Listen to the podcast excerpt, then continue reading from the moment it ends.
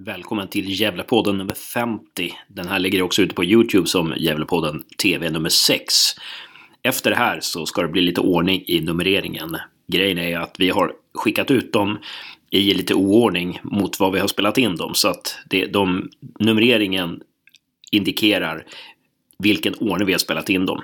Så att den här intervjun med Per Lagerström som finns i den här ljudpodden, den spelades in förra måndagen den 12 februari när han hade en vecka kvar på jobbet. Nu har han ju slutat sitt jobb som klubbdirektör i Gävle IF och eh, David Norell Hussein har tagit vid.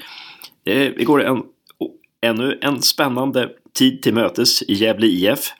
Eh, det känns eh, lite skakigt ibland, men det känns också väldigt spännande och det som jag tycker är så fascinerande med Gävle som klubb. Ja, i det här avsnittet så pratar Per Lagerström om eh, vad han ångrar, eh, vad som gjordes bra, när det var som tyngst och när det började eh, lätta lite. Han avslöjar bland annat att man hade tre namn att bolla med innan man anställde Poya Asbaghi. Ja, hoppas att ni ska tycka att det är en bra intervju. Vill ni komma i kontakt med oss så är det som vanligt Gävlepodden gmail.com.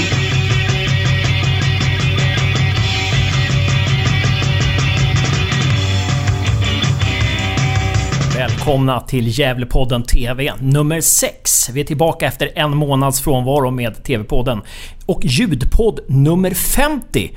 Vi, fyr, vi firar alltså halva hundratalet idag med ljudpodden. Och jag heter Hasse Carstensen och vid min sida som vanligt... Äh, Josef Carstensen. Ja, hur mår du Josef? Ja, men bra. Hur mår du själv? Jo, man, vi har ju kavaj. Ja, vi har Då... kavaj. Är lite upprydliga och... Det är ju för att vi har gjort 50 ljudpoddar nu. Det är rätt otroligt. Det är rätt otroligt. Och eh, vi har... Även en person mitt emot oss med kavaj. Och det är Per Lagerström. Välkommen! Ja men tack! Jubileumsavsnitt. Jag tycker jag gratulera både er och faktiskt Gävle IF för att ni har bidragit 50 tillfällen med att marknadsföra ja. föreningen på olika sätt. Ja, tack så mycket! Och tack för att du ställer upp här nu. Det kanske är sista gången på ett tag som du ställer upp eh, i Gävlepodden. Kanske i alla fall att jag får frågan. Ställer upp gör jag nog, men jag kanske inte är lika intressant när jag inte längre har en formell roll i Gävle IF. Men fråga får man gärna göra mig. Mm. Bli en hardcore fan framöver. Ja, det kanske att vi återkommer i ljudpodd eh, nummer 150 när du har blivit eh, sportchef i Gävle IF. 150? Ja. ja. ja man, man, man, ska ha lärt sig den här branschen att framtiden den är väldigt svår att sia om.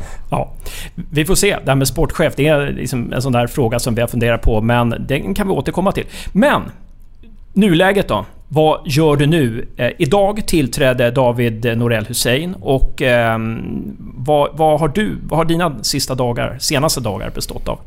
Ja, men som sagt han tillträdde först idag så att egentligen har det varit business as usual egentligen. Där man har att ha ansvaret för, för hela kansliet och, och den, mycket planering för kommande år. Verksamhetsplan, budget såklart, de, de delarna men också för att driva på sponsorintäkterna. Nu har Johan och Marcus tagit lite större ansvar de senaste veckorna kring sporten men att kunna vara stöttande där så, så se vad vi kan göra. Så det har inte varit så stor skillnad. Den här veckan blir det då viktigt att, att få lite tid med David. Men han blir också inkastad i det här. Det är ju ingen... Det blir ingen försäsong så som att leda en klubb utan det är otroligt intensivt. Så att då kan vi gå parallellt med några saker. Vi har diskuterat, jag har suttit och diskuterat restaurangfrågan idag till exempel med Malin Markström. med David gjort något annat. Men självklart ska jag lägga tid på den här veckan att försöka förmedla det, de processerna vi är inne med och låta David göra så bra start som det bara går. Mm. Och eh, du var ju lite intresserad av det där med, med David? Eller? Ja, hur, hur har ja, första dagen varit med honom och hur, ni har väl arbetat lite tidigare off record. Och hur tycker han att... Hur ska man säga? Hur tyckte han skötte sig under sin första dag? Mm, ja, men jag, tycker David har gjort jättebra sedan han kom in. Jag kommer faktiskt ihåg att jag träffade David för ett antal månader sedan, eh, kanske i somras, på tåget till Stockholm. Jag var på väg hem och han var på väg åt andra hållet. Och vi pratade om Gävle IF som vi har spelat tillsammans där. Och jag märkte att den här killen, han har koll på marknadsföring och försäljning. Så då frågade jag men du David, ska du inte, vi har en, satt upp ett kommittéarbete nu med en marknadskommitté.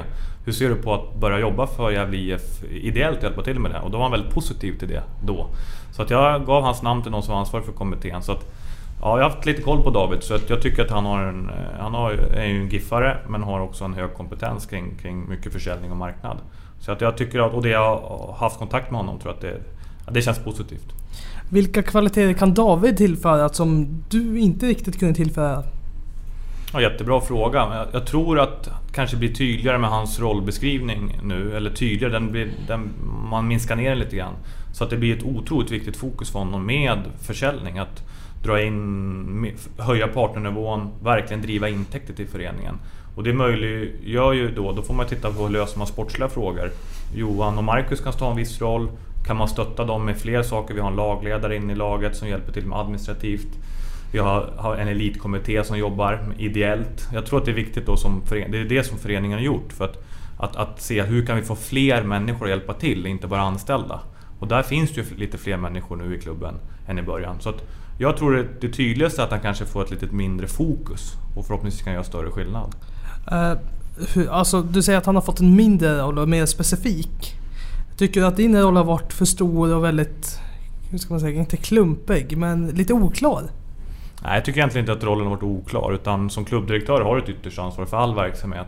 Sen blev ju situationen som den blev eh, vi var väl inte riktigt förberedda på vilk, eh, exakt vilken ekonomisk situation Superettan innebär, hur mycket medel försvinner.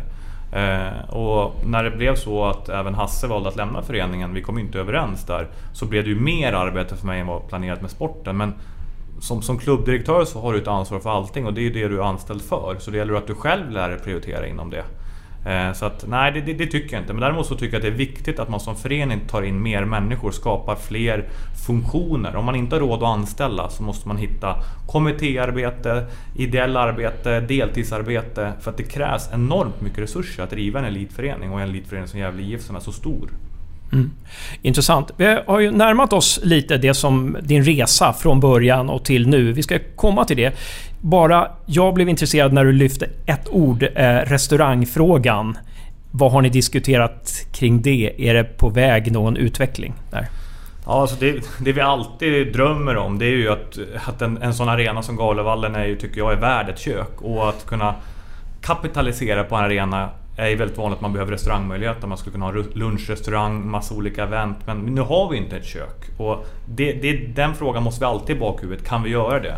Men vi kan inte stanna där. Utan nu handlar det om hur hanterar vi situationen utan ett kök? Hur jobbar vi med liksom externa leverantörer, catering och sådana saker. Och det är det nu. Hur kan vi säkerställa att vi har en leverantör som kan skapa ett bra evenemang för våra partners de 15 kommande matcherna? Eh, så jag tycker att man parallellt med det hela tiden behöver driva frågan kan Gavlevallen få ett kök? Hur ska vi göra det? Vad behöver Gävle IF göra? Vad kan kommunen göra? Vad finns det för andra leverantörer som skulle vara intresserade av det? För det finns ju potential. Det handlar om ekonomi för att lösa det. Ja.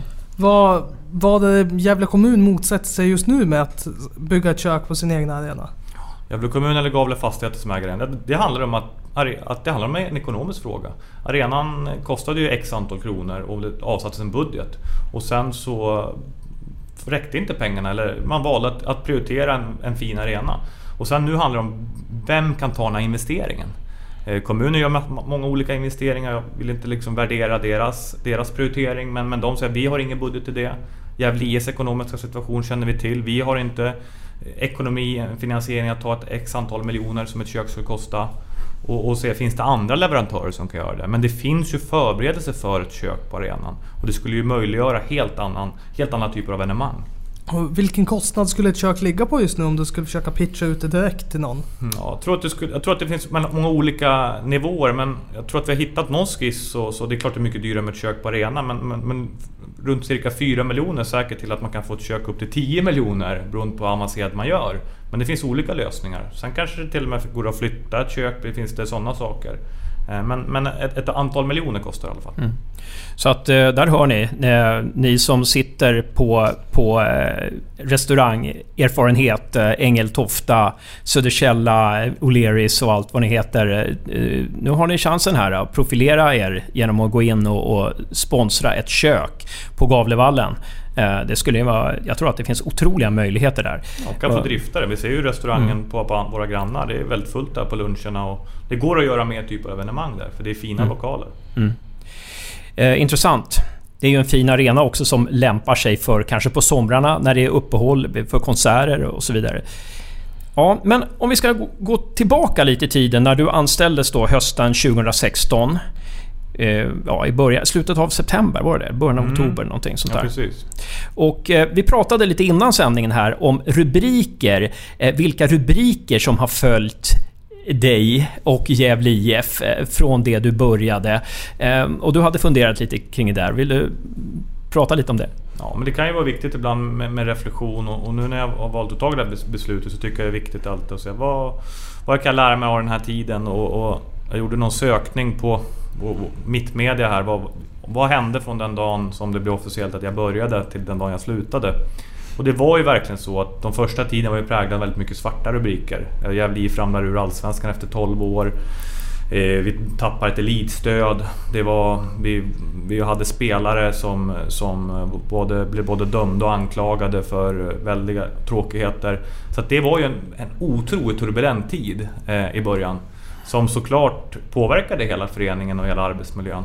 Ehm, men som, som gjorde att vi, vi hade kanske det blev, fick också läggas väldigt mycket tid på om man säger krishantering och media. Ehm, man har ett stort ansvar som elitförening, det tycker man som förening ska ha. Men att stå och diskutera hur jobbar vi med värdegrundsfrågor, hur säkerställer vi att de nästan tusen barn och ungdomar lever upp till vår värdegrund? Hur, hur kan vi skapa vårt- vårt förebildskap? Jätteviktiga frågor som jag tycker att en elitklubb ska ta. Men det krävs också e- enormt mycket kompetens och resurser för att utbilda en hel förening. Så att, ja, det, är väl kanske inte, det, det, det, det var väldigt mycket saker samtidigt som hände under den första tiden som gjorde att det blev väldigt tyck, alltså lite onödigt ehm, kanske turbulent och att man fick, fick släcka bränder mer än att jobba kanske långsiktigt. När du anställdes då så sa du i en intervju i Mittmedia tror jag det var att eh, det skulle vara ett nytt Gävle. Det skulle vara Gävle IF 2.0, det nya Gävle. Em, På vilket sätt tycker du att Gävle blev det nya Gävle? Eh, Och vilket sätt, på vilket sätt tycker du att det inte blev det? Om du funderar Dels så lite. tycker jag kanske att det var en lite slarvig kommentar. Alltså, på ett sätt blir det ju nytt när en ny person. Men jag ser ingen anledning att, att förändra i, i sig. Utan alltså allt, då är då, nu är nu. Så tänker jag utan att liksom lägga någon värdering. Men då var jag ytterst ansvarig och klart att jag inte hade varit i föreningen tidigare. Så då blir ju saker nya. Men det, det som jag tycker ändå har varit eh, viktigt, det var att vi har blivit, tagit de här värdegrundsfrågorna på stort allvar. Jobbar med många in, liksom, initiativ med våra lag, med vårt kansli, med våra ledare. För att vi vill vara en god förebild i samhället. Jag tycker också att vi har profilerat, eh, jobbat med jämställdhetsfrågan. Eh, både på att vi har manliga och kvinnliga anställda, väldigt tydlig som fördelning, men också att vi försöker profilera även vårt damlag som ett, som ett förebildslag, som ett representationslag. Tror att små, små enkel sak, men går upp till VIP-avdelningen så ser du bilder på både eh, män och kvinnor. Jag tycker det är en väldigt viktig del. Det var ju före en, en, en metoo-kampanj, men en, ett viktigt ställningstagande.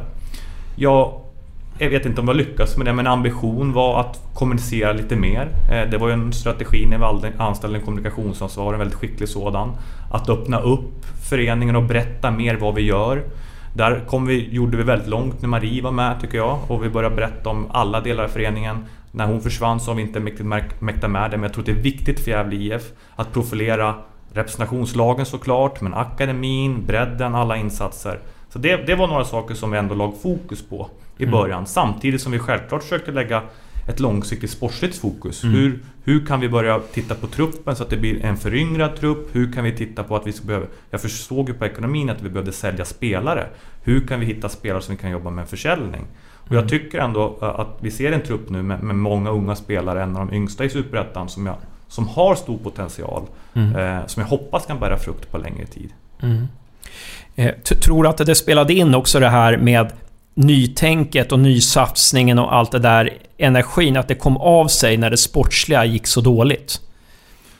Alltså det, det, det går inte att komma ifrån. Elitidrott så styr sporten. Eh, och, och det blir väldigt, väldigt mycket fokus på det. Det spelar ingen roll hur, hur bra marknadsfolder du har om det blir negativa, negativ känsla som många förluster blev. Och det blev ju så...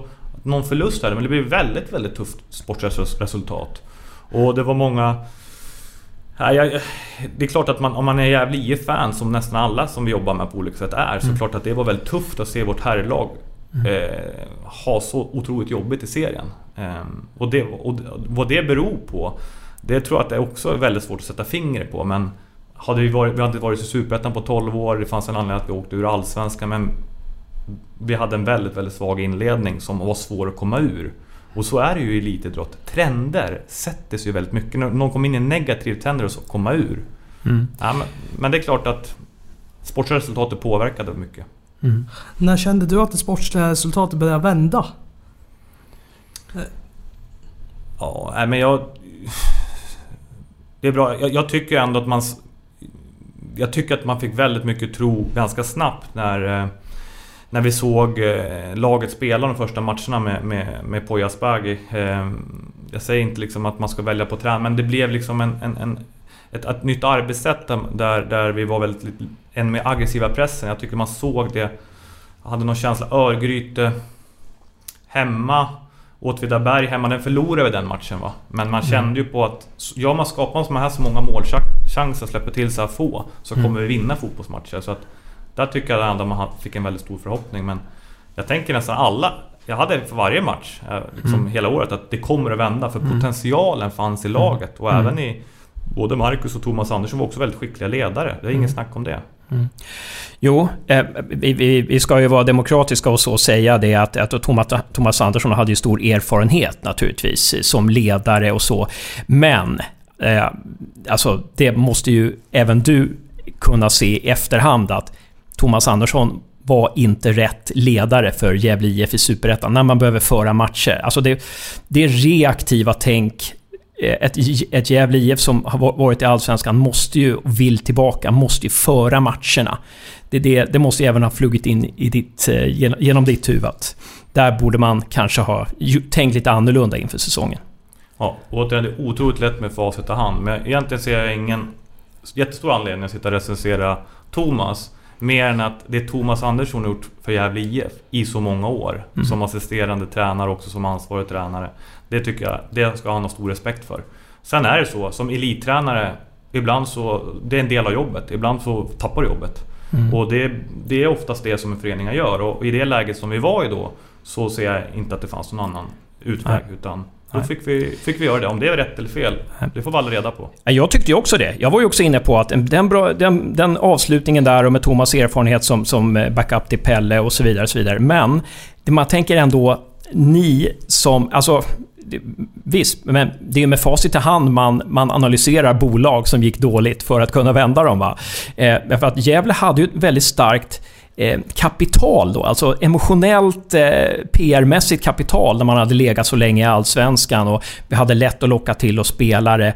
Och med facit i hand så kanske vi skulle ha tagit en mer rutinerad tränare. Vi kanske skulle ha eh, lockat, lockat någon, ja, typ eh, eh, en, en eh, Jörgen Wålemark eller någon etablerad tränare. Nu säger jag inte att det är just han som vi skulle ha lockat, men en, ändå någon etablerad tränare. Det måste ju också du tänka att det hade nog varit bäst trots allt.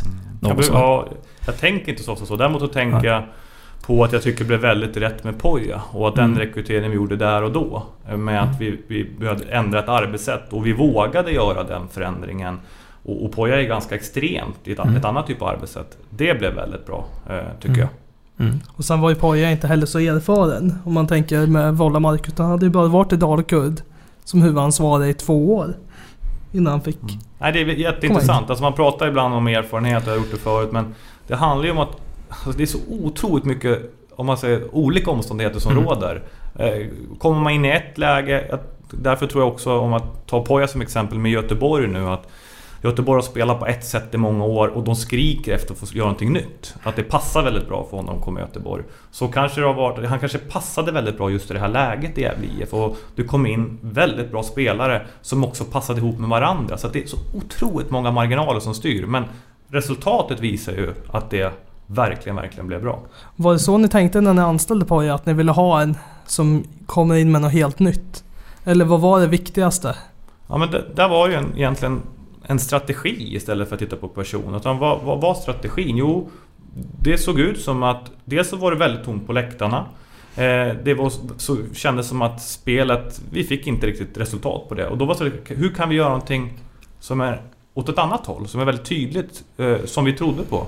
Eh, och, och vad krävdes det för typ av ledarskap? Och, och hur, hur väcker man hur fångar man människor som, som är, har lite sämre självförtroende? Och där kom ju Pojas profil in i det. Så Mm. det, det var en del av den strategin. Ja.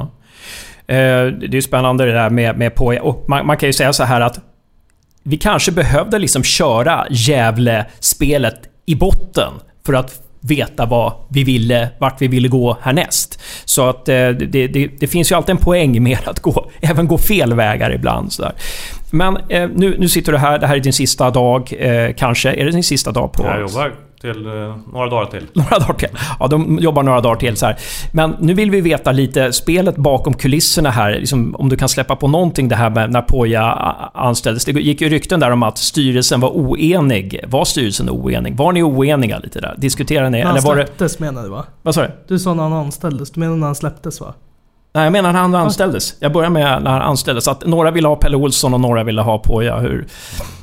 Ja. Så, alltså, vad som händer i ett styrelserum, det har jag största respekt för att det är, det är sekretess och det får man jobba med där. Men jag, jag tycker rent generellt att det är Mm. väldigt viktigt i en styrelse och i sådana här frågor att man, har, att man vänder vrider på alla åsikter. Och att man, det, det, det vore konstigt annars. Mm. Men det var... Det, det, det var alla... Det fanns fler förslag än Poja, om man säger så. Det fanns fler förslag än Ja. ja. och så tycker jag också ska vara. Annars vore det också väldigt konstigt annat. Det är, tycker jag är en skyldighet att man lägger fram olika förslag, vänder och vrider och diskuterar sig fram. Så, så tycker jag det ska vara i viktiga Ja. strategiska beslut. Mm. Hur många förslag hade ni ungefär uppe på tapeten? Ja, det hade många förslag, men jag har gjort det förut. Men vi gick ner till, till slut så, så filtrerade man ner förslagen så, så att det slutade på ett, ett antal förslag. Och hur många, an, hur många var det antalet ungefär? Ja, det, vi var nere på en tre. Mm. Intressant, intressant. Och så är du Josef, du kom in på eh, det som också är intressant att prata om, det här med Poja, när Poja lämnade då. Eh, eh, var, det, var det dramatiskt eller var det odramatiskt, det som, det som skedde? Ja, om, man kan handla, om- om det kan vara dramatiskt i elitidrott så, så tycker jag att det var det. För att det är... Det var ingenting som, som vi hade någon tanke på. Utan det var otroligt tydligt när Poja anställdes att nu vill, nu vill vi jobba långsiktigt. Vi skriver ett längre kontrakt trots att han är oprövad. Vi visste inte vilken division vi skulle vara i. Det var också en strategi. Att någonting vi lärde oss av att vi, vi måste tro på, på de tränarna och, och det det tar tid att jobba med ett lag.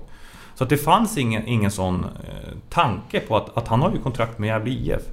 Och då blir det ju klart då att det, det liksom när, när andra klubbar, när liksom vi fick en kontakt och så här, kan ni vara intresserade av att släppa Poya Asbaghi? Svaret var nej. Det Mm. var första Mm. svaret. Mm. Eh, och, sen, och sen så intensifierade den situationen och som jag sagt förut att till slut så, så var, var det en mängd, mängd olika omständigheter som vi behövde ta hänsyn till. Och då valde klubben att ta det beslutet att, eh, att, att Poja fick eh, valde att skriva på för IFK Göteborg. Otroligt, tycker jag, svårt och, och komplicerat situation. Mm. Men tycker du att det var rätt beslut? Det, det får vi... Det, det, det är väldigt svårt att sitta och recensera det i efterhand. Alltså det var det beslutet som togs och om det var rätt eller fel, det, tror jag inte blir något bättre. Men jag, jag hade personligen gärna sett, och, och det tror jag många hade sett, att Poja skulle få fortsätta bygga någonting. Jag tror att det, det krävs längre tid och det hoppas jag att nu att Johan och Marcus får, får göra. Att de får bygga någonting. Så att vi, vi ser ju de, många av de framgångsrika lagen, ta Östersund, Graham Potter har varit där länge. Alltså fotbollen går mer mot ett system, man lär känna spelare. Ja, så, så, så jag hade gärna sett att, att Poja hade jobbat längre med det här laget. Och jag hoppas att, att den, den nuvarande konstellationen får göra det. Vad, vet du vad som gjorde att det tippade över för att Poja skulle få släppas till slut? Om det var ett så starkt nej från början? Nej, alltså det... Alltså ibland så kan man inte råda över alla omständigheter utan det, det, ibland blir situationen så. Men det är klart att det, att det är många olika delar men det är att, att Poja själv är verkligen villig till Göteborg. Och, men sen, sen vill och vill, men, men att det, det var ju en väldigt viktig orsak. Alltså jag tror att det, det har jag sagt förut att ska man vara i Gävle IF är det väldigt viktigt att man vill vara i Gävle IF. Man vill det är här man är, det är här man är enga- engagerad, det är här man vill spela. Sen för den sagt så ska vi inte släppa spelare bara för att man inte vill vara här längre, eller inte tränare heller. Men det är en grundförutsättning. Eh, Men det var en komplicerad situation och då, mer än så, då kommer får man tänka lite själv att det berodde på många olika saker. Mm. Rykten bland fansen som säger att, eh, eh, att ni hamnade i, i oenighet där. Att du, att du ville behålla Poja till vilket pris som helst och styrelsen ville inte... Att styrelsen körde över dig och att det var lite orsaken till att du slutade Gävle IF. Finns ja, det, kan, det kan jag dementera. Det, så var inte ja, nej, men det är bra. Då, då har ni hört det. Kan vi sluta den diskussionen. Eh, men men det, var, det, hände ju väldigt mycket fram till att, att det här med att det äntligen vände och det blev positivt. Eh, och det har varit ganska positivt nu. Sen blev det en liten dipp mot Brage här, men det kommer vi in när, när, eh, i andra sammanhang. Men, men ehm, eh, där skulle vi... För det var ju otroligt tungt där. Det var ju alltså... Det var, ni hade, det var ju två rättegångar och det var eh, ekonomin och Ska, kan man sätta fingret på när var det som tuffast? Var, liksom, liksom, någon tid, alltså behöver inte ta någon händelse, men någon tidpunkt på något vis eh, där du kände att nu är det tufft alltså? Mm. Ja, det finns ett par sådana. Jag, jag, jag tyckte det var väldigt tråkigt när vi hade medarbetare som, som valde att sluta för att de kände att man mådde inte bra på arbetet för att det var en sån ansträngd situation och fanns inte möjlighet att göra ett bra jobb. Det, det, var, det var ett antal sådana. Det tyckte jag var väldigt, väldigt eh, bekymmersamt. Jag tycker också väldigt tråkigt eh, den perioden, sista, Thomas Anderssons sista period. Eh, jag vet att jag har fått kritik för det. Jag var uppe någon gång på läktaren och, och, och bad om att vi, hur, hur, hur, vilka ramsor man skanderar. Men det han har gjort för klubben, man såg att han fick ta... Jag tycker han fick ta väldigt mycket skit. Eh, det är inte bara en tränares ansvar utan det är mitt ansvar, det är hela styrelsens ansvar, det är hela föreningens ansvar hur det går sportsligt. Men Thomas blev ganska uthängd. Mm. Hade ni kunnat göra på något annat sätt där? Pelle Olsson sa i vår podd att Thomas blev väldigt ensam. Eh, kunde du, kunde du känna det att ja, där, vi gjorde nog lite fel. Vi hade, så här borde vi ha gjort istället? Ja, där tycker jag att man behöver ansaka sig själva och se vad, vad hade vi kunnat göra? Jag vet inte exakt vad det är men, men eh, att kanske ta på, på något sätt eh, vara ännu tydligare med att det är inte ytterst bara Thomas ansvar. Vi, han hade den truppen han hade, topp och jag fick en annan trupp. Eh, vi var tydliga med att eh, kanske skulle det vara som med facit i hand när man skriver kontrakt med, med tränare, att man ska skriva ett längre kontrakt är någonting som jag har reflekterat över. Eh, för att skicka liksom så. Men det är klart att Nej, han, han, fick bära väldigt mycket. Där, där behöver vi kanske kommunicera mer som förening och, och vårt ja, kunna backa upp honom tydligare. Mm. Att, ni skulle, att du skulle ha gått ut mer eh, och talat och inte låtit Thomas få tala så mycket och förklara? Ja, jag tror att det är en kombination av saker. Mm. Men, men, att i, i, en förening handlar ju om, det är en föreningsdemokrati, att vi står tillsammans liksom, den tiden. Sen, sen blir det förändringar i föreningen. Nu försvinner jag, då får komma någon annan. Sen försvinner Men till den dagen man gör en förändring så står man enade. Och där tror jag att... Ja, jag tycker det var tydligt att det blev väldigt mycket fokus på, på på honom och på några personer och inte på hela föreningen. Det är Gävle IF som ska få skulden, inte några enskilda personer. Ah, det, det, blir inget bra klimat tycker jag. Nej. Och nu, nu, nu, lämnar du Gävle IF, men du är ju fortfarande, du är fortfarande Giffare. Du är ju fortfarande Gävle... Gävlit, om man säger så. Ehm, även om du kanske har din bas i Stockholm och jobbar i Stockholm. Någonting som du tycker är viktigt för Gävle IF nu att göra, ja, vi ska lista tre saker, eller du får lista många du vill i och för sig, men någonting som är viktigt det kommande året att göra för att eh, det här ska bli, för att vi ska liksom, gå, gå uppåt? Ja, återigen bra. Jag, alltså, jag tror att det är otroligt viktigt. Det är därför att, att för, var öppen och berätta hur situationen ser ut i hela klubben och alla delar. För att vi har en, det är en otrolig förändring att gå ner från Allsvenskan till Superettan. Om vi tar den För det är de ekonomiska frågorna. Vi har, liksom, vår omsättning har gått ner nästan 14 miljoner. Det är en enorm summa pengar. Det gör att vi kan inte ge samma förutsättningar, vare sig på, nästan på akademisidan eller herrsidan. Om man har förståelse för det. Det går inte att ställa samma krav på evenemanget. Så att, att jag vill förklara, vi har lite andra förutsättningar så att det blir en bra arbetsmiljö. För de personer som kan få vara där, både som tränare i ungdomslag och på kansliet, eh, kan få jobba lugn och ro och, och, och få jobba framåt. Det tror jag är viktigt. Den andra delen som är viktigt, det är att fortsätta paketera och sälja den här föreningen. För att den är unik. Alltså, jag hade den när jag kom hit. Att vara så stor ungdoms, barn och ungdomsförening i de områdena i Gävle. Har en akademi där man möter de bästa lagen i Sverige och åker runt med, med, med bussar. Vi är 80 spelare där. Har representationslag både på dam och herrsidan. Alltså ha hela det paketet. Det är för mig otroligt starkt varumärke. Mm. Det behöver vi hitta personer, dels som partners och företag som kan sponsra, ökade intäkter, fler mm. partners. Mm. Men också försöka få publik att komma till matcherna. Så vi behöver presentera det. Det är, det, är de två stora delarna som jag ser det. Mm.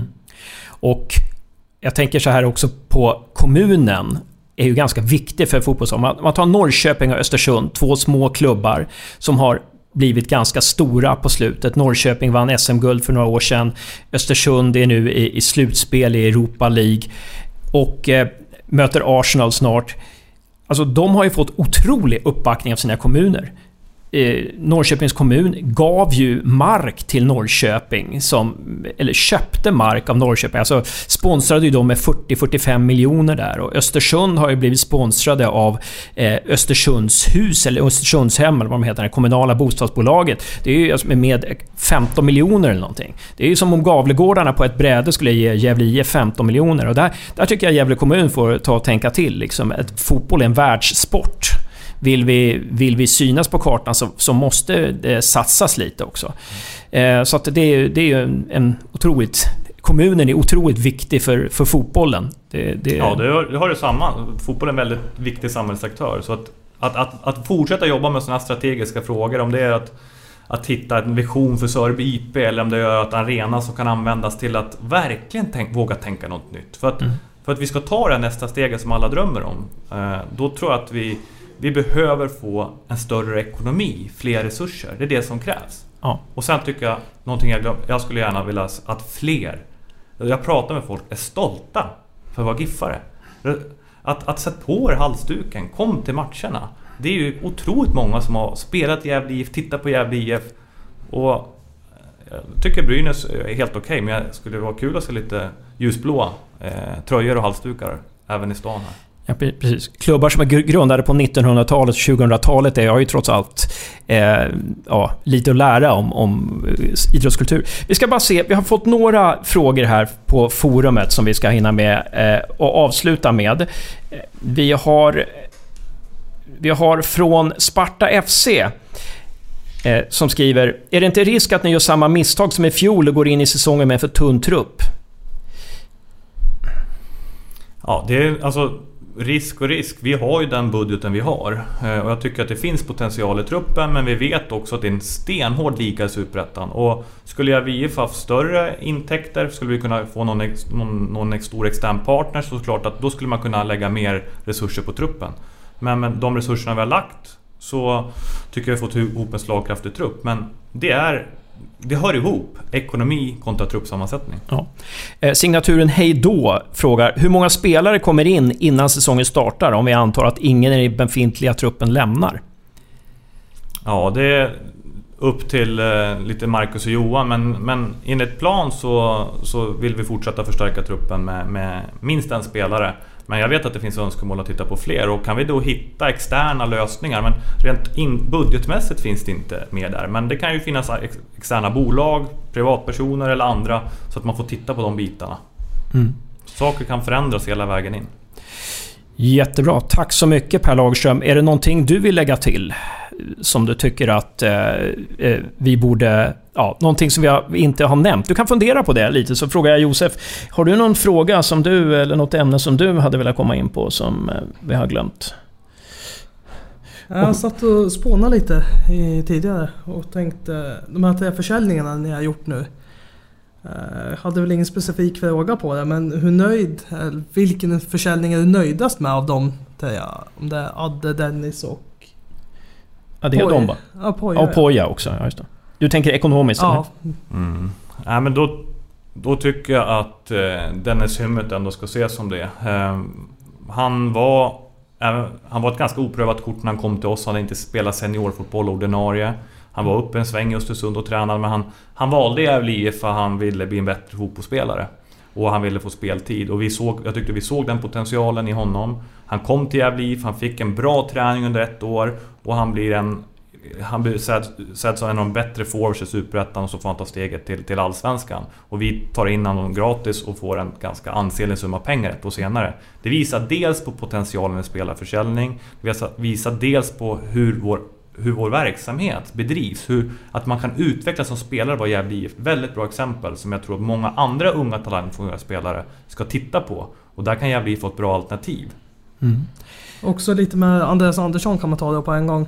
Eh, dels tyckte vi det var jättekonstigt förra året när han blev utlånad ett år. För att sen säljas. Varför såldes han inte direkt och... Ja. Helt enkelt, vi fick inget bud på Andreas förra året. Um, så att då... Då, då, var, då var lånet ett alternativ. Sen, så att, sen, sen är alltid en kontrakt... Det finns saker i ett kontrakt man får ta hänsyn till. Jag kommer, kommenterar aldrig saker vad som står i det. Men vi behöver ta hänsyn till, till de sakerna. Mm. Men vi hade, hade vi fått ett konkret bud hade vi sålt den för ett år sedan. Mm. Ska jag avsluta med att komma tillbaka till min fråga. Eh, ett ämne som jag var inne på i början av intervjun. Sportchef. Om Gävle IF behöver en ny sportchef om två år, skulle du vara intresserad av att ta jobbet? Ja, man ska alltid lyssna. När Gävle IF ringer så lyssnar man alltid. Det är en väldigt anrik förening. Jag önskar dem all lycka och jag kommer att följa många matcher både, både på plats och på TV. Tack ska du ha Per Lagerström. Tack för att du tog dig tid. Tack själva och tack för ert engagemang. Tack så mycket.